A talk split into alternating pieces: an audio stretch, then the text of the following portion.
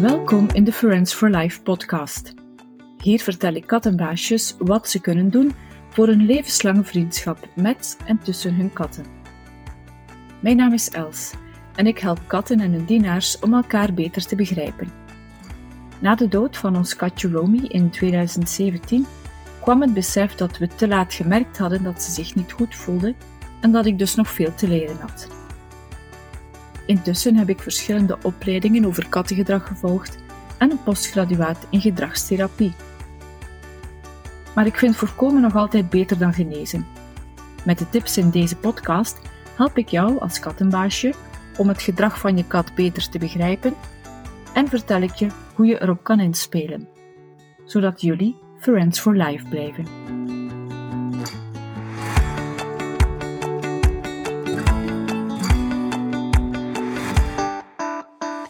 Dag friends, hier ben ik alweer.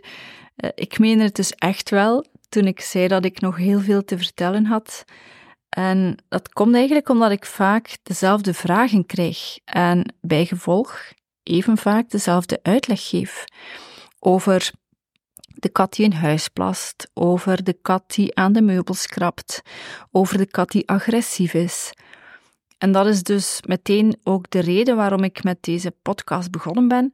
Je kan ofwel keer op keer hetzelfde vertellen, of je kan het één keer vertellen met een microfoon onder je neus en op die manier meteen de vragen van ontelbaar veel kattenbaasjes beantwoorden. Vandaag ga ik, zoals aangekondigd, dieper in op de vraag uh, waarom je kat jou zou kunnen krabben of bijten en uiteraard hoe je dat kan voorkomen. Ik zeg er al meteen bij dat ik de voornaamste en algemene oorzaken ga opsommen, maar dat er ook heel veel individuele factoren kunnen meespelen. Wat ik in deze episode ga vertellen, kan jou helpen als je met dat probleem zit en ik hoop het van harte. Maar het is ook mogelijk dat het uh, probleem dieper zit. Voor alle duidelijkheid, uh, wat ik ga zeggen gaat enkel over jouw eigen kat, die al een tijdje bij jou woont. Bange katten, zowel vreemde katten als een pas geadopteerde kat, uh, hanteren soms agressie als een zelfverdedigingsmechanisme als zij blazen of grommen en jij gaat niet achteruit, dan escaleren ze naar de laatste optie, namelijk aanvallen. Of misschien zijn ze in het verleden al te vaak benaderd en slaan ze nu gewoon alle stappen over om meteen aan te vallen. Dus mensen zeggen soms, oeh, die viel meteen aan, maar je weet niet wat het katje al heeft meegemaakt. Um, in haar eh, standpunt ben jij misschien al de zoveelste en heeft ze geleerd om, uh, om meteen het grof geschut uit te halen. Als je uh, een bange, pas geadopteerde kat hebt, um, verwijs ik je naar episode 3. En alle andere katten, vreemde katten, zwerfkatten, laat je het best gewoon met rust. En dan heb je ook minder kans op verwondingen. Als jij te maken krijgt met een agressieve kat, jouw eigen kat, um, dan komen daar allerlei emoties bij kijken. En misschien sta je daardoor niet open voor wat ik nu ga zeggen, maar ook jouw kat voelt zich momenteel niet goed. En zij probeert dat, weliswaar op de slechtst mogelijke manier, ook uh, duidelijk te maken. Dus als de algemene tips niks uithalen, uh, dan roep je het beste hulp in van een professional, die dan samen met jou de volledige achtergrond gaat uh, bekijken van jouw kat, de voorgeschiedenis, de leefomgeving. Dus alles samen afspeuren op zoek naar de oorzaak van de agressie uh, en hopelijk ook de oplossing. Voordat ik mogelijke algemene oorzaken onder de loep neem, wil ik drie belangrijke mededelingen doen. Ding dong. Eén, um, als jouw kat, of om het even welke kat eigenlijk, jou gekrapt of gebeten heeft, ontsmet de wonde dan zo snel mogelijk en raadpleeg een arts. In episode 6 eh, kon je al horen dat zo'n wonde lelijk kan ontsteken, zelfs nog eh, dagen na het voorval. En hoe sneller je ingrijpt, hoe beter. mededeling 2. In afwachting van een oplossing, want een agressieprobleem is vaak niet in 1, 2, 3 opgelost, is het heel belangrijk dat je verdere incidenten probeert te vermijden. Zoek dus geen interactie met je kat. Eh, zoek zo weinig mogelijk contact in het algemeen, als dat kan. En als jouw kat s'nachts uh, in jouw kamer komt, uh, dan kan je, als de situatie ernstig is, overwegen om de deur tijdelijk gesloten te houden. Dat kan wat stresserend zijn voor jouw kat, maar hoe graag we onze katjes ook zien, we moeten in de eerste plaats aan onszelf denken. Um, en dan mededeling 3. Net als voor onzindelijkheid, dat heb ik al gezegd in episode 1, geldt ook voor agressie dat alle medische oorzaken eerst uitgesloten moeten worden. Ik heb al verteld dat katten van nature niet laten zien dat ze pijn hebben of ziek zijn, omdat dat van hen een makkelijk doelwit maakt. Maar die pijn of die ziekte kan zich wel uiten in agressie, onder andere omdat uh, de kat zo gaat proberen om uh, mogelijke dreigingen weg te jagen. Een beetje zoals een egel die zijn stekels opzet om, om zichzelf te beschermen. Begint jouw kat dus plots uit te halen, ga dan altijd eerst naar de dierenarts voor een check-up, uh, want het heeft weinig zin om naar andere oorzaken en oplossingen te gaan zoeken als jouw kat fysiek niet oké is. Dus zorg dat dat eerst uh, is afgevinkt. En als pijn en ziekte uitgesloten zijn of opgelost en uh, je kat blijft zich agressief gedragen, dan kan je naar die andere oorzaken gaan kijken. Sommige zaken bouwen voort op uh, vorige episodes. Ik ga die niet allemaal herhalen. Dus uh, mocht je het nog niet gedaan hebben, dan raad ik je aan om voor meer achtergrondinformatie te luisteren naar episodes 1, 5 en 7. En dan heb je eigenlijk al een hele waslijst van triggers die jouw kat stress kunnen bezorgen. Eh, de meeste, en dat heb je waarschijnlijk al gehoord, kunnen op zich weinig kwaad, maar uh, als die triggers, die stressmomentjes blijven aanhouden of zich gaan opstapelen, dan is de emmer van jouw kat op een bepaald moment vol. Ik ga een paar voorbeelden geven. Um, de kattenbak is niet uitgeschept. Alle dekentjes zijn tegelijk gewassen.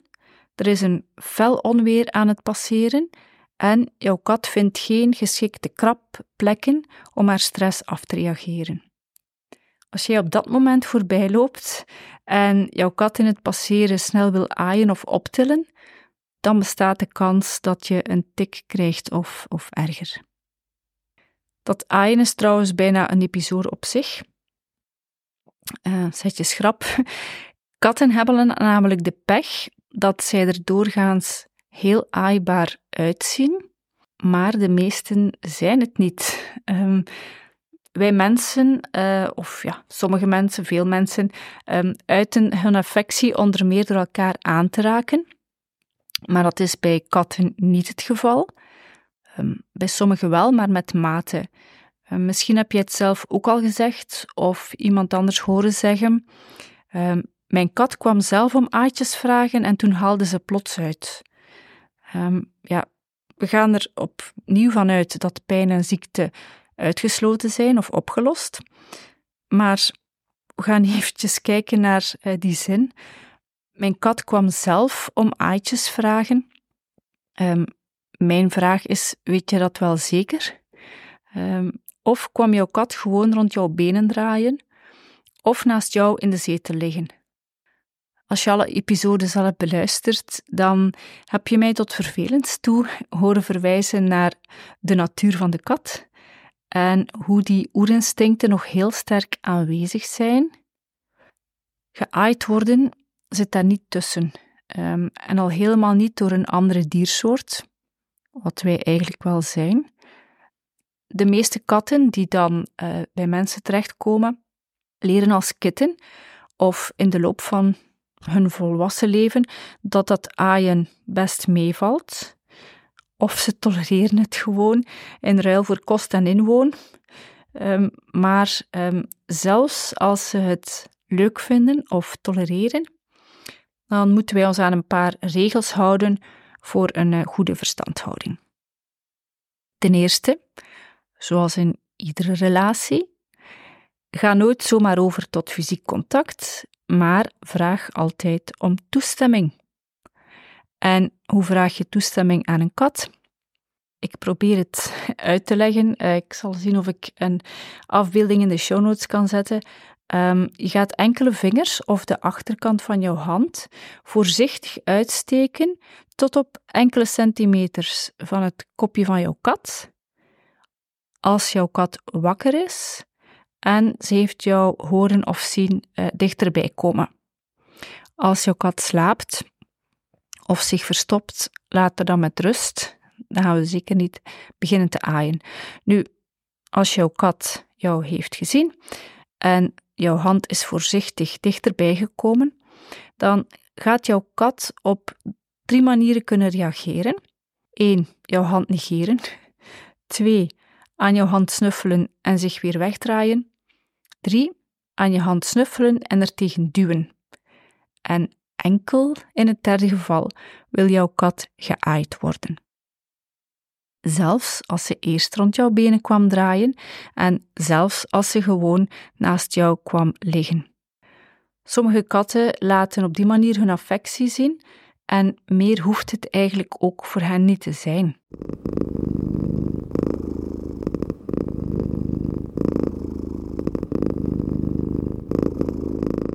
Als jouw kat toch te kennen heeft gegeven dat ze een aaitje wel ziet zitten, dan telt ook hier location, location, location. Het is niet om het even waar je jouw kat gaat aaien. Alles op en rond het kopje wordt vaak op gespin onthaald, maar hoe meer jouw hand naar achteren gaat, hoe groter de kans dat het misgaat. Um, ik zal in de show notes een illustratie zetten van de zones, de plekken waar de meeste katten wel en niet graag aangeraakt worden. Er zijn natuurlijk altijd uitzonderingen. De kat bestaat niet. Maar ik vind het altijd verstandiger om voorzichtig te beginnen. En hoe beter jij jouw kat gaat kennen of leren kennen, um, hoe meer je eventueel voorzichtig kan uittesten uh, wat haar echte voorkeuren zijn. Um, een plek waar het vaak misgaat uh, is op de buik. Als een kat haar buik laat zien, interpreteren veel mensen dat als een uitnodiging om haar daar te aaien. Um, interpretatie van het laten zien van de buik uh, is dat kat zo wil laten zien dat ze jou vertrouwt, de buik is letterlijk en figuurlijk een gevoelig gebied. Eh, liggen veel vitale organen en die laat je natuurlijk niet zomaar zien. Um, dus op zich is het wel een teken van vertrouwen, maar uh, die buik dan ook aanraken is doorgaans een brug te ver. Dus zelfs als jouw kat uh, haar buik laat zien, probeer je toch te beperken tot het gebied rond het kopje onder de kin. Um, als je het toch een beetje moeilijk vindt om uh, jou te bedwingen, dan moet je gewoon denken aan het feit dat jouw kat momenteel op haar rug ligt en met vier klauwen tegelijk kan uithalen als ze dat wil. Don't say I didn't warn you. Um, en tot slot, dus we hebben al uh, de toestemming gekregen. We weten waar we het best aaien of waar we toch het best beginnen. Tot slot, eh, zelfs als je dat doet op een plaats waar jouw kat het geweldig vindt, doe je dat het best met mate. Um, zoals Van den Boeinand zei, mensen van mijn generatie, tro is te veel en te veel is tro. En voor de ene kat mag het na één krawieteltje al stoppen, terwijl de andere na tien minuten nog altijd zit te vragen om uh, meer knuffeltjes. Hoe kan jij nu weten uh, welk exemplaar jij in huis hebt? Um, simpel door na enkele seconden te stoppen met aaien en te zien hoe jouw kat reageert. Um, als ze haar kopje weer tegen jouw hand duwt, mag je nog even voortdoen. en opnieuw en opnieuw. Um, als ze zelf niet meer aandringt uh, en jouw hand negeert, laat het dan ook zo. Hoe meer jouw kat voelt dat zij controle heeft over jullie interactie, hoe beter jullie band gaat worden. Um, en als jij haar subtiele signalen gaat negeren, zoals zelf geen contact meer zoeken met jouw hand, wegkijken van jouw hand of zwiepen met haar staart, dat is al iets minder subtiel. Als je dat allemaal negeert en blijft proberen om te aaien, dan bestaat de kans dat jouw kat op een bepaald moment iets minder subtiel wordt en ofwel weggaat ofwel uithaalt. Dus zo plots uh, gebeurt het doorgaans niet. Um, dus uh, enkel aaien als je kat het wil, waar je kat het wil en niet te lang. En hoe beter jij jouw kat en haar lichaamstaal kent, hoe beter jij na verloop van tijd gaat kunnen inschatten wat ze wel en niet graag heeft. En dan hoef je je ook niet per se aan de basisprincipes te houden. Maar het is wel een, een verstandig uitgaanspunt of uitgangspunt. Amai, heeft hier, er heeft hier iemand zin in een party. Um, een uitgangspunt. Um, een heel andere reden waarom je kat jou kan aanvallen, en dat heb ik ook al een aantal keren vermeld, is het zicht van vreemde katten uh, in jouw tuin of aan het raam. Uh, hoe dichter ze komen, hoe groter de stresspiek die jouw kat op dat moment voelt. En de reactie kan zijn eh, weglopen. Dus jouw kat vlucht naar een veilige plek in huis. Jouw kat kan sproeien om duidelijk te maken: het is hier van mij, mijn territorium. Of ze kan ook uit pure stress uh, uithalen naar wie op dat moment het dichtst in de buurt is. En met een beetje pech ben jij dat. Uh, en dan ben jij dus het slachtoffer van wat ze misplaatste agressie noemen. Um, dus het kan veroorzaakt zijn door stress, of het kan ook zijn omdat jouw kat eigenlijk het liefste de vreemde kat zou aanpakken, maar dat lukt niet, want er zit een raam tussen.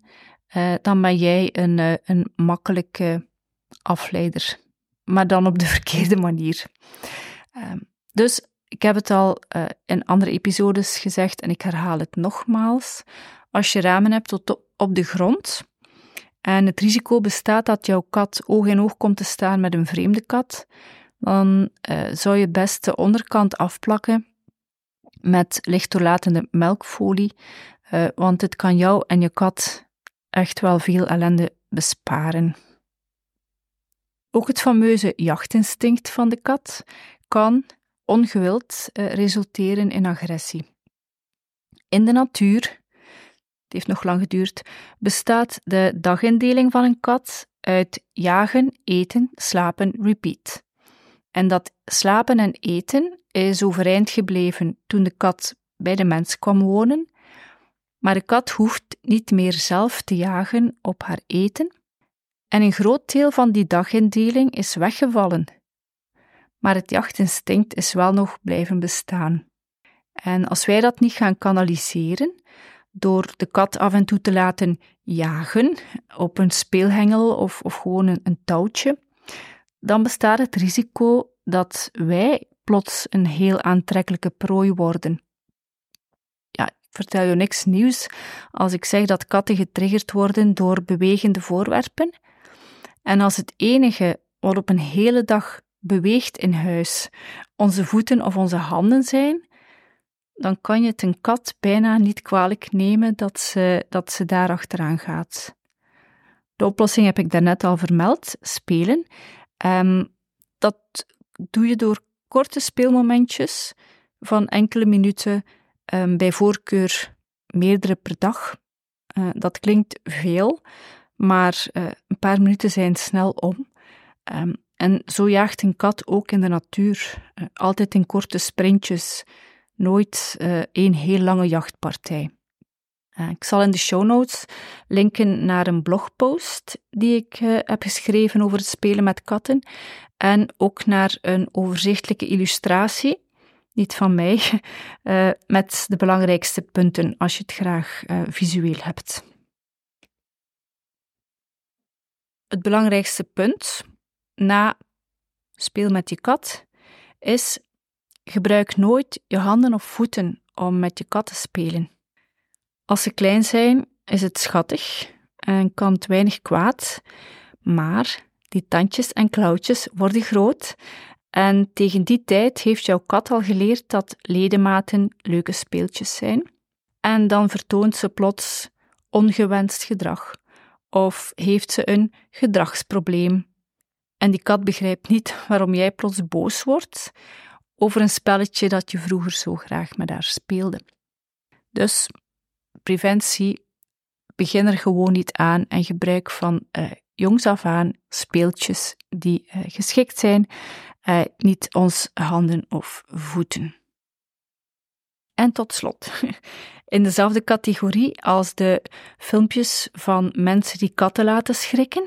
Um, ik ben daartegen van leer getrokken in episode 5. Je hebt ook de socials, filmpjes van mensen die katten pesten door hen voortdurend te poken en dan heel snel hun handen weg te trekken. En dat altijd maar herhalen en het hilarisch vinden om te zien hoe die kat zich steeds meer opwindt. Ja, uh, newsflash, op die manier ga je echt geen sterke band opbouwen. Um, enerzijds hoop ik altijd dat die pestkoppen vroeg of laat uh, een uithaal krijgen, maar anderzijds weet ik eh, dat het dan toch weer de kat is die gestraft gaat worden. Of misschien zelfs buitengezet. Um, dus heel simpel pleidooi. Uh, like uh, die filmpjes niet en maak ze zeker niet zelf. Ik denk eerlijk gezegd dat er uh, onder de luisteraars van de podcast niet veel mensen zitten die, die daar zelfs al zouden aan denken. Maar goed. En ik zit toch al op mijn paard, dus ik ga nog iets aan de kaak stellen. Um, ik weet nog niet zo lang dat het bestaat omdat we hebben geleerd om altijd voor een positieve oplossing te kiezen. Maar um, een medestudente heeft onlangs een link doorgestuurd naar een, uh, ja, een anti-bijt-oplossing uh, voor katten. Um, ik ga die link trouwens niet in de show notes zetten, uit principe, maar het was een soort van doorzichtige helm of omgekeerde bokaal met luchtgaten, die je dan uh, over het kopje van de kat uh, moet zetten tegen het bijten. Um, misschien zijn er situaties waarin het gebruik rechtvaardig is uh, of gerechtvaardigd is, zoals bij de dierenarts.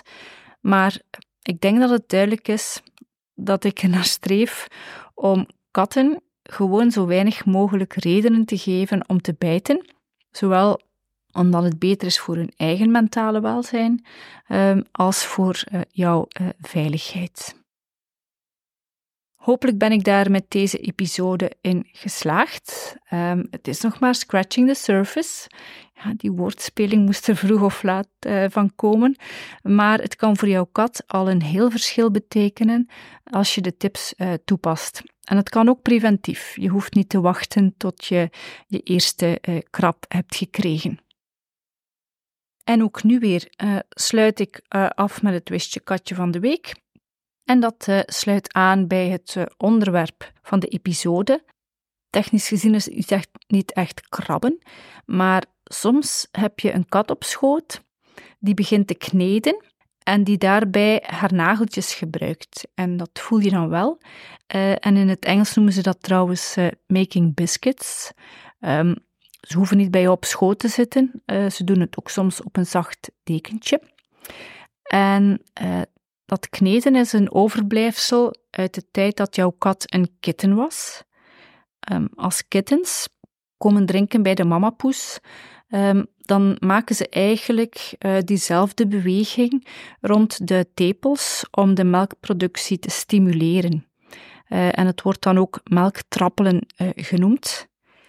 Sommigen zeggen dat het enkel gedaan wordt door kittens die te vroeg uit het nest zijn weggehaald, maar het is eerlijk gezegd lang niet zeker dat het uh, enkel die groep is die, uh, die kneedt. Um, en over de functie, en waarom begint een volwassen kat dat dan te doen.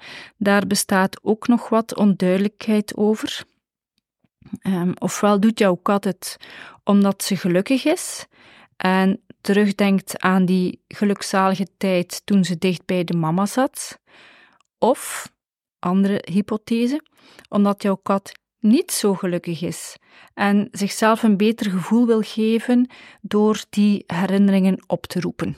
Um, ja, het is een beetje het verhaal van uh, de kip en het ei. Um, ik stel voor dat we ervan uitgaan dat uh, jouw kat gelukkig is tijdens het kneden, tot een of ander wetenschappelijk onderzoek het tegendeel bewijst. Willen we dat zo afspreken?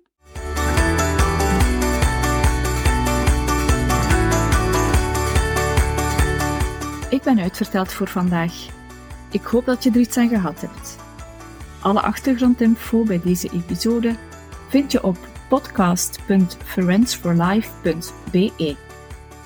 Deel die link gerust met andere kattenbaasjes of laat een review na, zodat ook anderen de weg naar deze podcast vinden. Alvast bedankt en tot hoors!